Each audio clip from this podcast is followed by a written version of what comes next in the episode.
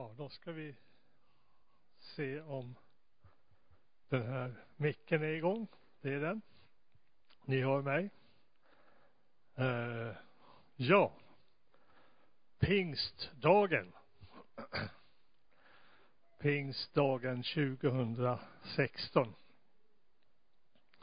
Vi är väldigt tacksamma att vi får fira pingst som en eh,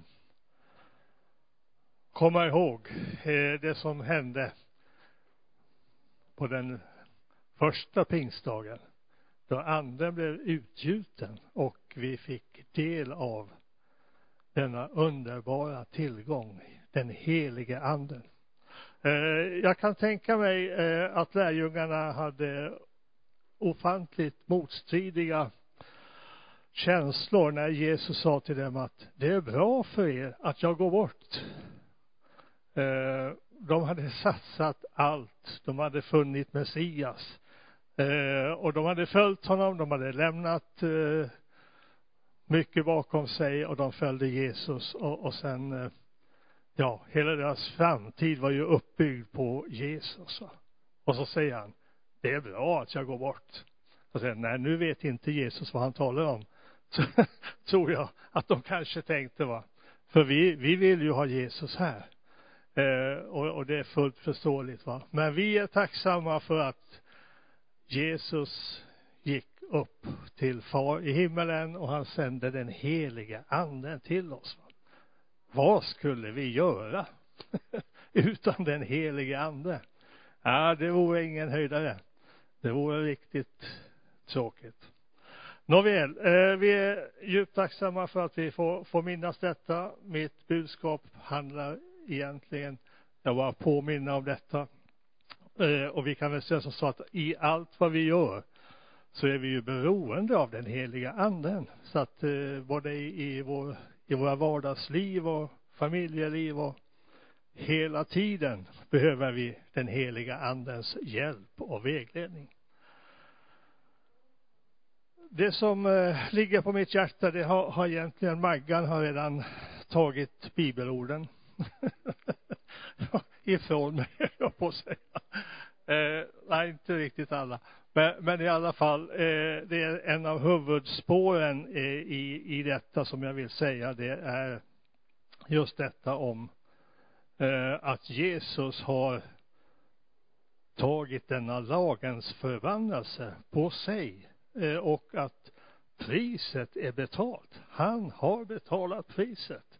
Och vi är friköpta ifrån denna förbannelse och vi har rätt till tillgångarna. Eh, och, och, det är tillgångarna som vi ska tala om idag. Eh, och också det du bad om att sträcka oss ut över de normala mänskliga begränsningarna. Eh, för det, det, vi behöver komma fria ifrån tankebyggnader eh, som begränsar oss på lite olika sätt. Jag ska ge något litet exempel på det eh, så småningom. Va? Men eh, huvud eh, bibelordet som jag har till er idag, det är från Andra Korintierbrevet, nionde kapitlet, åttonde versen. Eh, och det står så här att, och Gud har makt att ge er all nåd i överflöd, så att ni alltid och i allt har nog av allt och kan ge i överflöd till varje gott ändamål. Vilken position! Eh, och det första som vi noterar här, att Gud har makt. Gud har makt. Hans makt har inte förminskats. Hans makt är inte för ringa. Han har makt. Hans arm är inte för kort. Han äger all makt. Jesus säger själv, jag äger all makt i himmelen och på jorden. Så Gud har makt. Och nästa ord som, som jag vill eh, poängtera här, det är att ge oss all nåd. Och det betyder att det här beror inte på vad vi själva kan åstadkomma eller prestera eller någonting vi har gjort. Någon, vi har ingen meritlista vi kommer till till Gud med oss som sa titta här, utan det är på grund av nåd. Enbart nåd. Han har makt att ge oss all nåd i överflöd. Så att vi alltid och i allt har nog av allt. Då är det ingen brist. Om vi har nog av allt. Och det bästa av allt att vi kan ge i överflöd till varje gott ändamål. Och det är dit jag önskar att vi allesammans ska komma. För jag tror inte riktigt att vi är där. att vi kan ge i överflöd till varje gott ändamål. Vi ger, visst ger vi va. Och, och, och, men att kunna säga det att jag kan ge till allt gott på ett överflödande sätt. Det vore en lögn om jag sa att det vore på det sättet. Men nu håller jag Guds ord för sanning. Och då menar jag det, att mina erfarenheter, va, de har ingen bärighet gentemot Guds ord som säger att detta är en rättighet som jag har rätt att sträcka mig efter. Och då eh, kom vi just in på det här eh, Galatsbrevet, tredje kapitlet, där Kristus har friköpt oss från lagens förbannelse. Genom att bli en förbannelse i vårt ställe. Det står skrivet, förbannad är var och en som är upphöjd på tre. Så skulle välsignelsen som Abraham fått komma till hedningarna i Jesus Kristus, så att vi genom tron skulle få den utlovade anden. Halleluja. Eh, och därför så tittar vi lite grann in på det här med Abrahams välsignelse. Va? Eh, och det står i femte Moseboken 28 eh, och från vers 11 har jag valt att citera här idag. Då står det att Herren ska ge dig överflöd av allt gott. Barn, avkomma från boskapen och gröda på marken i det land som Herren med har lovat dina fäder att ge dig. Herren skall öppna för dig sitt rika förrådshus himmelen för att ge regn i rätt tid till ditt land och välsigna alla dina händers verk. Du ska ge lån åt många hedna folk, men själv ska du inte behöva låna av någon. Herren ska göra till huvud och inte till svans du ska endast vara över och aldrig vara under om du lyssnar till Herren i Guds bud som jag idag ger dig för att du ska följa dem. Prisat vare Herrens heliga namn. Tänk vilken välsignelse. Tänk vilken position. Vi är över. Vi är inte under. Många gånger så känner vi oss liksom i underläge va. Eh, men Guds ord säger här att i Kristus så har vi vunnit seger tillsammans med honom. Vi är över och vi är inte under. Prisat vare Herrens heliga namn. Eh, och eh, i, i detta då så, så, så kom jag att tänka på Maria då, som fick ett tilltal från ängeln om att hon skulle föda ett barn som skulle bli frälsaren, världens frälsare.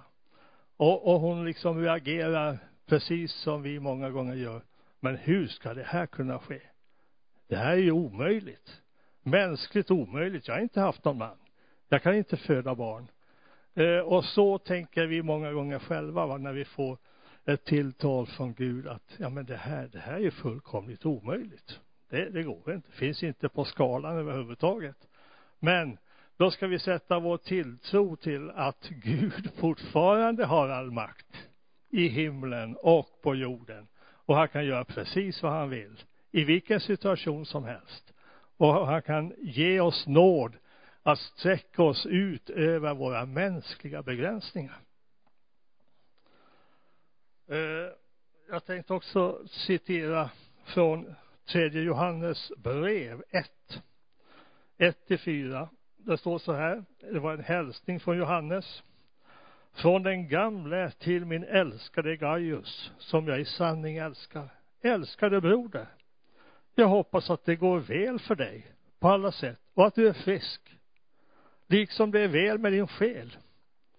Jag blev mycket glad när bröderna kom och vittnade om den sanning som finns hos dig. Hur du lever i sanningen. Det gläder mig mer än det gläder mig att höra att mina barn lever i sanningen.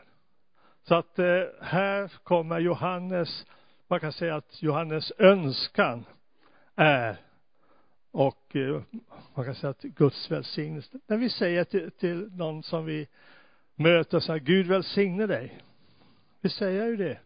Gud välsigne dig. Då är det en önskan och ett uttalande om att det som finns hos Gud skall bli en välsignelse för den vi tillönskar välsignelsen. Eh, och, och, nu är jag på väg in i ett om, ämnesområde som man kan uppfatta att det finns olika tankar om. Men jag vill påstå det när vi läser Guds ord att Gud talar om rikedom och välstånd som en välsignelse. Är ni med på det? Det står, jag hittar ingenstans i Bibeln att det står att fattigdom är en välsignelse. Men däremot så står det att rikedom är en välsignelse. Och ämnet, om vi ska sätta en rubrik över det som jag vill dela med mig idag, så skulle jag säga så här, välsignad för att välsigna. Eh, och det är det jag menar då att eh, vi ska använda Guds välsignelse i våra liv på ett rätt sätt. Om syftet är att välsigna andra, va? då är det helt okej okay att vi också söker välsignelsen.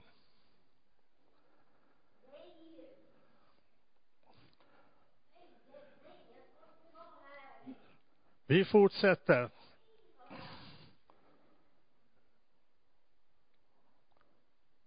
I första Moseboken 9 så slutar Gud ett förbund med Noa. Och då står det så här. Gud välsignar Noa och hans söner sa till dem.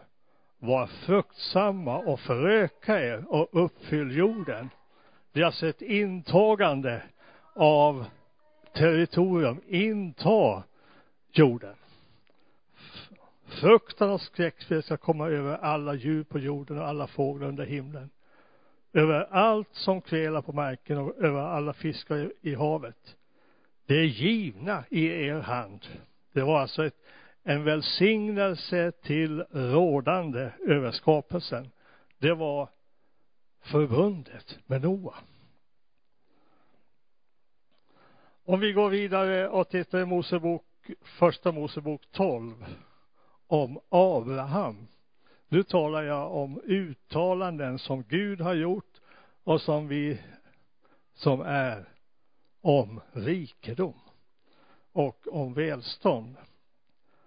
Herren sa till Abraham, gå ut ur ditt land och från din släkt och din fars hus och bege dig till det land som jag ska visa dig.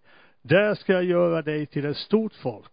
Jag ska välsigna dig och göra ditt namn stort och du ska bli en välsignelse. Jag ska välsigna dem som välsignar dig, förbanna dem som förbannar dig. I dig skall alla släkter på jorden bli välsignade.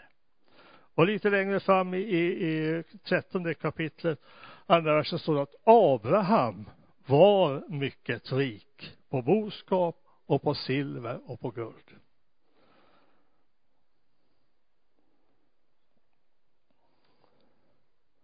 Isak, det här Jakob, eller Abraham och så nästa steg Isak, så står det om Isak i, i det 26 kapitlet i första Moseboken, står det så här att Isak sådde det landet och fick det året hundrafalt, ty Herren välsignade honom. Det är en välsignelse när man får hundrafaldig skörd. Han blev en mäktig man och hans egendom växte mer och mer så att han till slut var mycket rik. Han ägde så mycket får och nötboskap och hade så många tjänare att filisterna blev avundsjuka på honom. Det låter nästan som svenskt. vi, vi har så lätt att bli avundsjuka på om det går väl för någon. Va? Eh, filisterna blev det, men det var Gud som välsignade. Och det var ju tur att han var klok här då, eh, Isak. Han eh, åt inte upp seden som han skulle så. Han hade den kvar faktiskt. Va? Eh, för att då hade han ju inte kunnat sått. Men han hade, utsedet hade han bevarat av vishet från Gud. Eh, och så sådde han och så la Gud sin välsignelse till. Och han fick hundrafaldig skörd efter denna torka och hungersnöd som hade varit i landet. Va?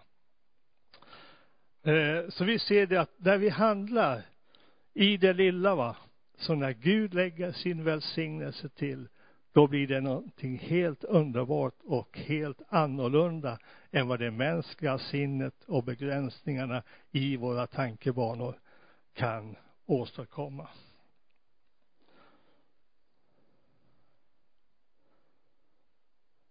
Jobb, som ju hade en eh, minst sagt besvärlig resa. det var lindrigt sagt va. Eh, men i alla fall så står det att i, i sista kapitlet i Jobs bok så står det att och Herren välsignade slutet av Jobs liv mer än början. Och så finns det en liten beskrivning här. Han fick 14 000 får, 6 000 kameler, tusen par oxar, tusen åsninnor. Han fick sju söner och tre döttrar.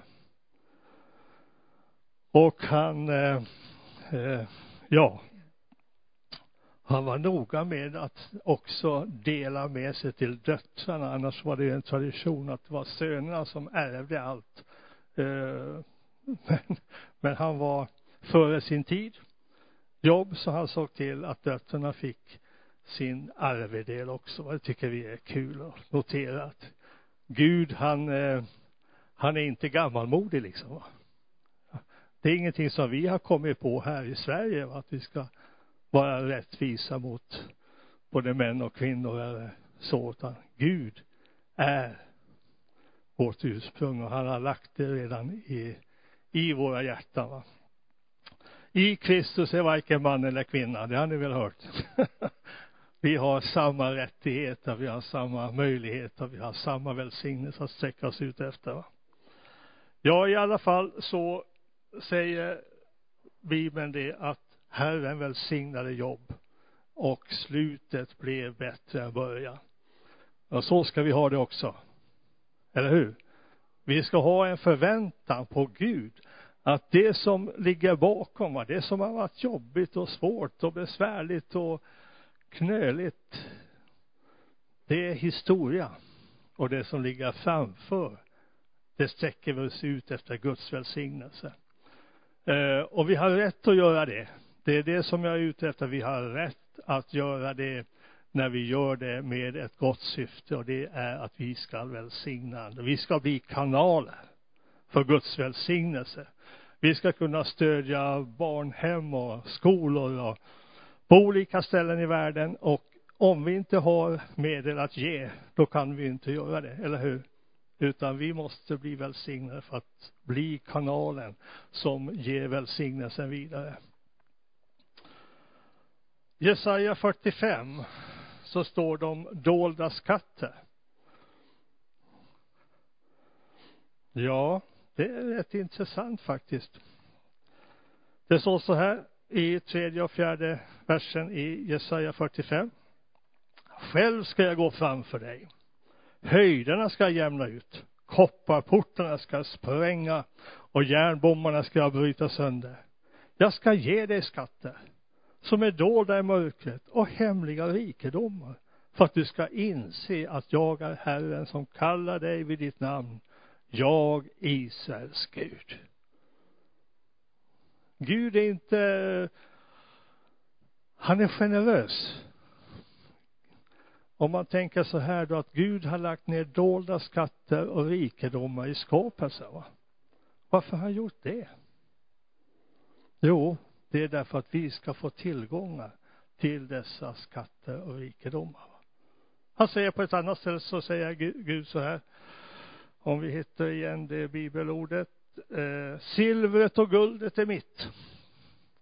Silvret och guldet är mitt, säger Herren. Varför säger han så? Därför att silvret och guldet är hans. Och han kan ge det precis till den som han vill ge det till. Och vi har rättighet att eh, förvänta det.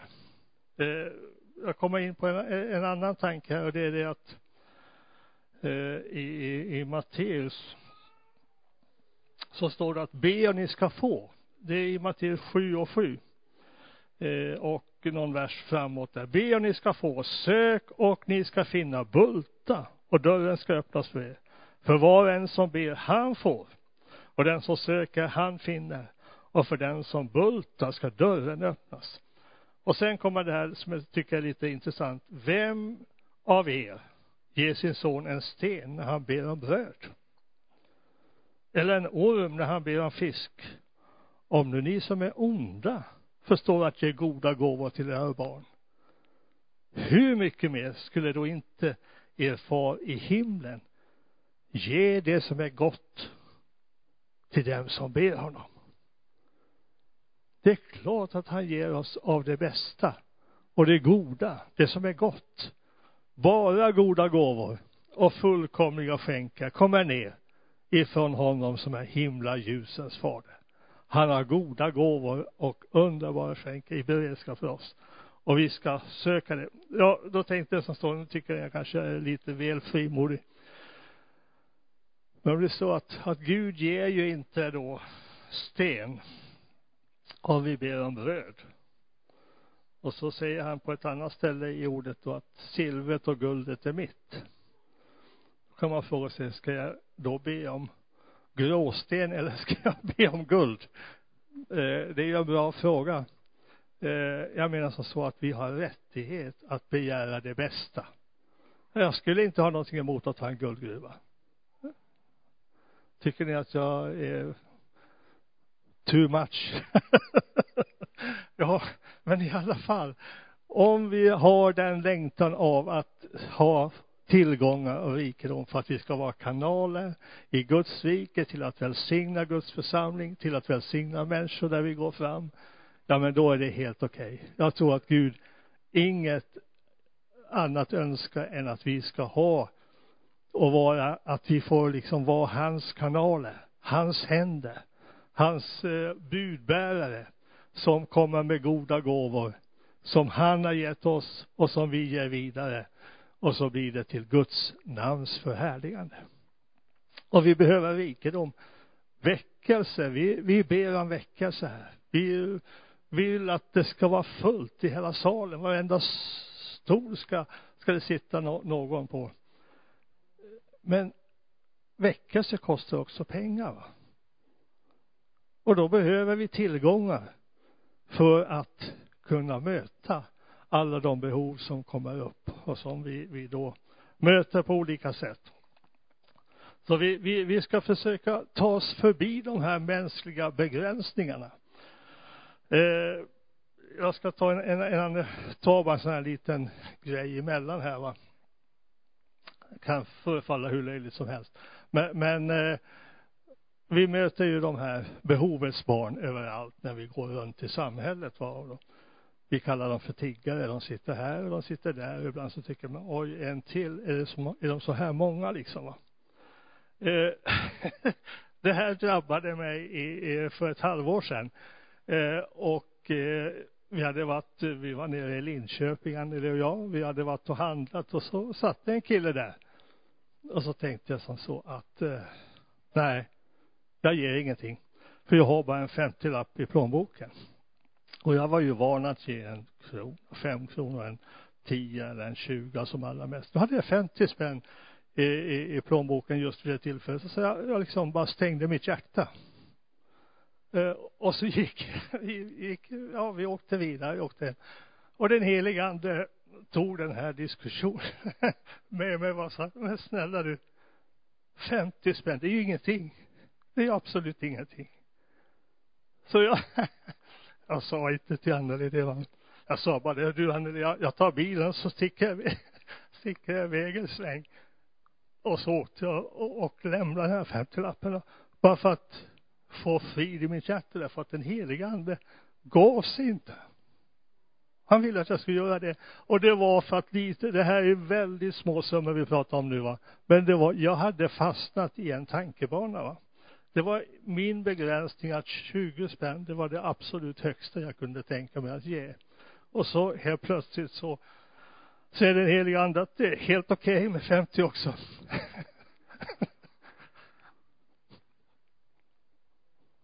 ja, jag var rätt tacksam för att jag gjorde det, för det, det kändes bra. det kändes bra efteråt liksom. Jag ska ge en annan, nu ska ni få en annan, en liten bekännelse. Då jag inte handlade, nu har jag berättat, nu handlar jag faktiskt rätt. Först fel, sen rätt. Eh, sen en annan liten episod bara så här då, så, så var jag på Kungsholmen i Stockholm. Skulle hämta posten på, ja, ja, postbox där, så jag skulle tömma den. Och jag vet ärligt talat inte varför jag hade så bråttom. Jag, jag kan inte ens påminna mig det. Va? Men jag tyckte själv att jag hade bråttom. Jag skulle väl förmodligen göra någonting. Va? Liksom bara skulle jag rusa dit och hämta posten och, och så skulle jag vidare. Va? Och precis när jag stiger ur bilen där så kommer det en uteliggare.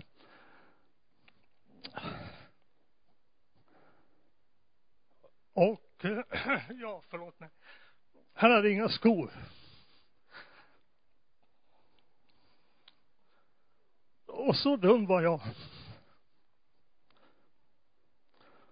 Att posten var viktigare. Förmodligen bara räkningar. För det är ju oftast det man får i, i postboxen. Va? Det är ju liksom inte, det är, det är det vanliga, det vanligast förekommande posten är ju en räkning va. Och dit sprang jag och hämtade mina räkningar när ett behovets barn går förbi mig. Ja, det var dumt av mig. Det är därför jag berättade för er. så att ni inte ska göra samma dumhet. Eh, I alla fall så, ja, det klickade ju till när jag var inne på posten och hämtade posten att det där var ju dumt gjort av mig att, att handla på det här sättet. Va? Men när jag kom ut då var tillfället borta. Då var ju han borta. Och jag fick mig, kan man säga då, en läxa. Ja, men jag hade ju kunnat fixa ett par skor. Det hade ju inte varit någon jätteinvestering, va. Men jag sprang förbi tillfället. Och, och det här, alltså jag gav inte, jag gav inte min tid i det fallet och jag gav inte mina pengar till en person som absolut, absolut, absolut hade behövt det. Eh, och ni kan tycka att det är jobbigt att jag berättar en sån här sak, men, men jag gör det som ett exempel på hur vi handlar ibland i rent oförnuft, därför att vi tycker att någonting är viktigare. Jag tyckte det var så viktigt att hålla mitt tidsschema och hämta posten och hinna iväg vidare. Va? Att det blev viktigare än den här personen. Va?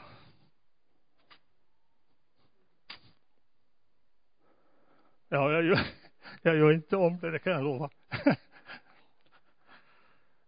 Gud är mäktig och vi, ja, alltså, varför berättar jag det här? Det är därför att jag har en längtan i mitt hjärta att vara en sån här kanal.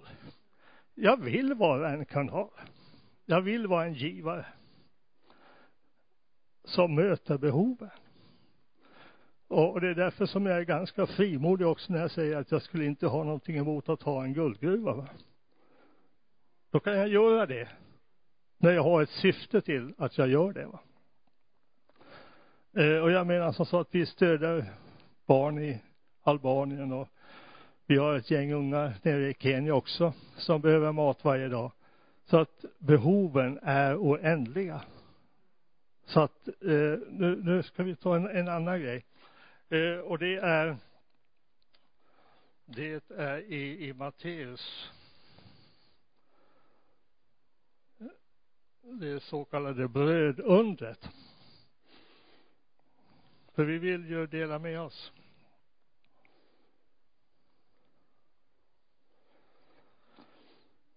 Här har vi det i Matteus 6 när Jesus lyfte blicken och såg att det kom mycket folk till honom sa han till Filippus var ska vi köpa bröd så att, vi, att de får något att äta? Det sa han för att pröva honom. Själv visste han vad han skulle göra. Filippus svarade, bröd för 200 denarer räcker inte till för att alla ska få var sin bit. En annan av hans lärjungar, Andreas bror till Simon Petrus, sa till honom, det här är en pojke här med fem kornbröd och två fiskar. Men vad räcker det till så många? Eh, Filippus, han var en matematiker. Vi ser ju det, vad hans, han tänkte till. 200 denarer. Hur mycket är en denar? En denar är ett dagsverke på den tiden. Va?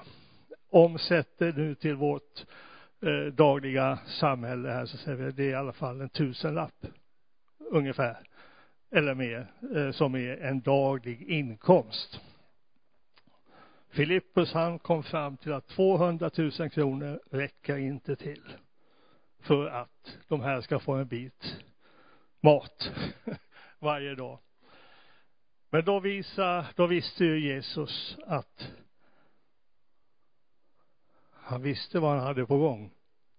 Brödundret och eh, de här två, fem kornbröden, två fiskar, de la Gud sin välsignelse till.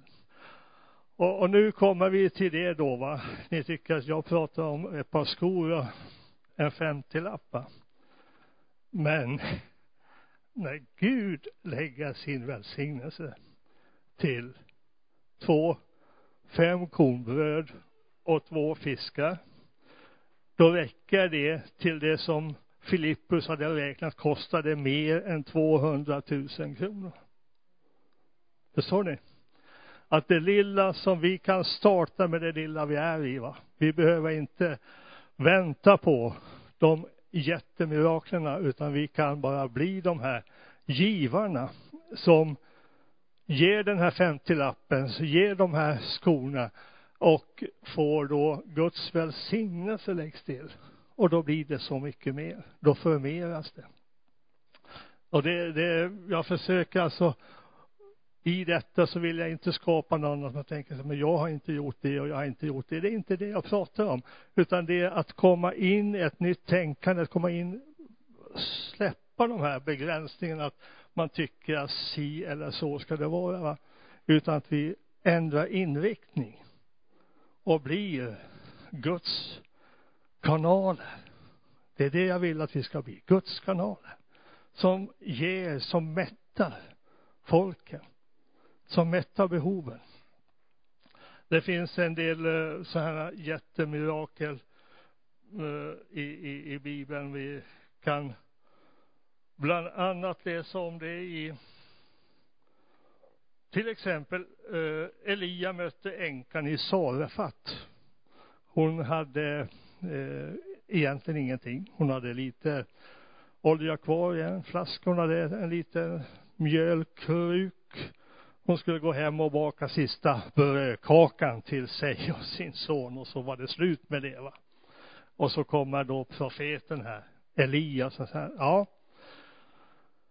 Han kallar på henne och säger, ja, hon berättar sin situation därför att han ber henne om bröd och hon berättar att det, så här är det va, vi har ingenting. Det, egentligen har vi absolut ingenting, det är det sista vi har.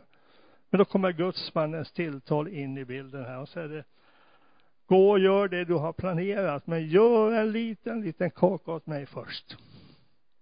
Och sen kommer oljan inte att ta slut. Om inte mjölet heller för den delen. Och då kunde de fortsätta. Va? Och just detta att vi kan, trots att vi har så lite, att vi tycker att det här är absolut, absolut, absolut ingenting. Men om Herren ber oss att lämna den där lilla, lilla biten, va, så kan hans välsignelse läggas till. Så att oljan flödade. Och mjölet tog inte slut i den här krukan förrän hungersnöden var över i landet. Förstår ni? Det var, handlade inte om en vecka eller någonting sånt, utan det var till dess att det flödade av tillgångar av mat, olja, mjöl i landet. Så länge räckte den här lilla tillgången som hon hade. Så att Gud är fullkomligt suverän och kan agera långt utöver vad vi ens kan föreställa oss eller tänka. En annan liknande situation var i eh, det var en, en, ett överlevnadsmirakel kan man säga då när eh, Israels barn var eh, Eh, belägrade och så, så det fanns alltså ingen mat kvar i staden i Somalia. Eh, och då var det några spetälska män där, fyra stycken som, som var utanför stadsporten och de resonerade som så att vi här kan vi inte stanna, vi kan lika bra gå över till fienden och fråga om de kan hjälpa oss va. Eh, så de travar iväg fyra man mot en stor armé och tänker som så att det går som det går, vi lägger våra liv i, på spel här, vad så går vi. Eh, och, och Gud då lät det låta som en hel armé. Fyra män går och Gud lägger sin eh, ljudanläggning till så att fienden hör nu kommer en hel armé och ska förinta oss och så bara flyr de därifrån. Och det resulterar då att de lämnade allt. Fiendearmén lämnade alltihopa. De bara stack för de tänkte nu, nu gäller det livet här va. Så de här fyra ska de kommer till ett tomt läger. Fullt med mat. Fullt med tillgångar. Och så tycker man, det här var ju fantastiskt. Men så är någon av dem i alla fall som tycker, men vi kan ju inte sitta här, bara vi fyra, och äta, utan vi måste gå tillbaka till staden och berätta vad som har hänt. Och så gör de det, och så blir det en megavälsignelse till hela folket i staden. Så här gör Gud. Det finns en bit till som jag vill bara nämna om här också. Det är det att mannat i öknen. Jag måste att Filippus, han, hans räknesnurra kom ju fram till det kostar 200 000 att få mat till de här 5 000 män och kvinnor och barn eh, som var på, eh, på möte hos Jesus då va. Men Israels barn fick manna i öknen under 40 år. Eh, och jag har inte vågat mig på att räkna fram värdet på det. ja, jag konstaterar bara att det måste röra sig om i alla fall miljonbelopp per dag det handlar om. Det är en spekulation för jag har inte räknat. Va? Eh, som Gud låter ett mirakel ske varje dag. Ibland så får vi för oss att om Gud välsignar oss i förra veckan va, då var det bra med det. Nu kan vi inte vänta på något mer. Men varje dag. Ny mat varje dag. Men det fanns en bit där. Gud levererade det han hade lovat. Men de fick själva plocka upp det.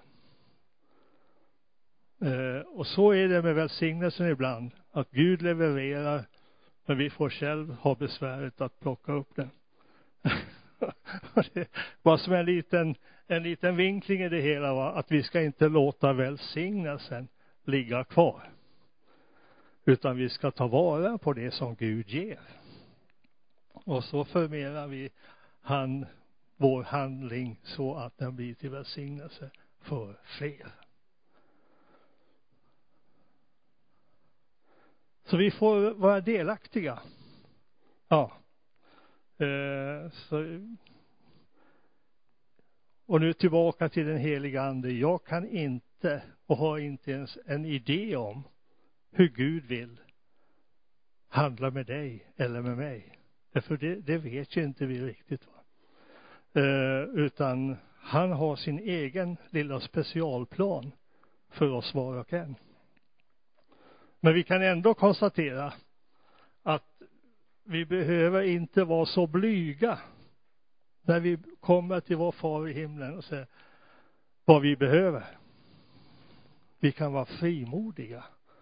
För vi vet att hans resurser är så oändligt mycket högre och hans tankar är så mycket högre än våra. Petrus förresten, han var ju han eh, var i situationen av att han inte hade betalt tempelskatten. Och det var någon som var duktig nog att po poängtera detta. Så han gick till Jesus och sa, ja, de, de här grabbarna här borta, de säger att vi har inte betalat tempelskatten. Så. Då hade Jesus en lösning på det också. Då fick Petrus en anvisning om vad han skulle göra. Han skulle gå ner och fiska och dra upp en fisk. I fiskens mun skulle vara ett silvermynt som räckte till tempelskatten för Jesus och för Petrus. Ja, visst har vi en underbar Jesus. Han är helt suverän. Och han har lovat att han ska vara med oss idag, på pingstdagen. Han är med imorgon när det är måndag. Han kommer att vara med oss alla dagar in till tidens ände. Och eh, jag återknyter till där jag började. Att Gud har makt. Gud har makt att ge er all nåd i överflöd. Så att ni alltid och i allt har nog av allt och kan ge i överflöd till varje gott verk. Och så ska jag avsluta med, med ett eh, ett eh, sammanhang från Ordspråksboken 3. Där står det om vishetens välsignelse. Jesus, vi vet ju att visheten här, det är Jesus. Och nu ska vi bara se vad, vad Ordspråksboken 3, 3 till 18 säger om just vishetens välsignelse. Då står så här, lycklig den människa som finner visheten. Den människa som får förstånd. Ty det är bättre att få vishet än silver. Den vinst den ger är bättre än guld. Den är dyrbarare än pärlor. Allt härligt vägar går ej upp mot den. Långt liv bär den i sin högra hand, i sin vänstra rikedom och ära. Vishetens vägar är ljuvliga. Alla dess stigar är trygga. Ett livets träd är visheten för dem som får tag i den. Det som håller fast vid den må prisas lyckliga. Halleluja. Så över allt detta som du tycker att jag har pratat om pengar, eh, vilket man oftast inte gör så här frimodigt som jag har gjort här idag så ska vi veta det att finna Jesus. Det står över allting annat. Finns inget guld i världen. Finns inga pärlor, inga diamanter. Det finns ingenting. Absolut ingenting som kan uppväga att vi har fått möta frälsaren. Jesus Kristus. Han har vunnit seger. Han har betalat priset. Han är allt för oss. Så att det är det, det största och det underbaraste miraklet som någonsin kommer att hända oss. Det är att Jesus har flyttat in i våra hjärtan. Men vi vill väldigt gärna bli Guds medarbetare. Att vara generösa. Att vara kanaler för välsignelse. Och därför så har vi också frimodigheten att söka det som kan bli en hjälp för dem vi möter i vår vardag. Gud välsigne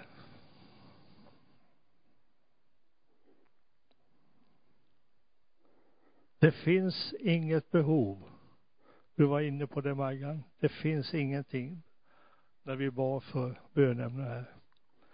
Det finns liksom ingenting där vi behöver backa för sig som just den här grejen tror vi kanske ändå inte att Jesus kan klara. Va?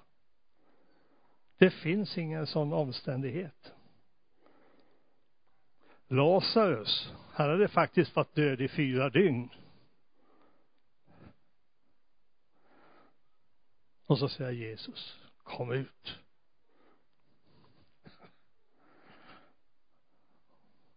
då förstår vi att det finns kraft hos Gud och makt hos Gud. Amen.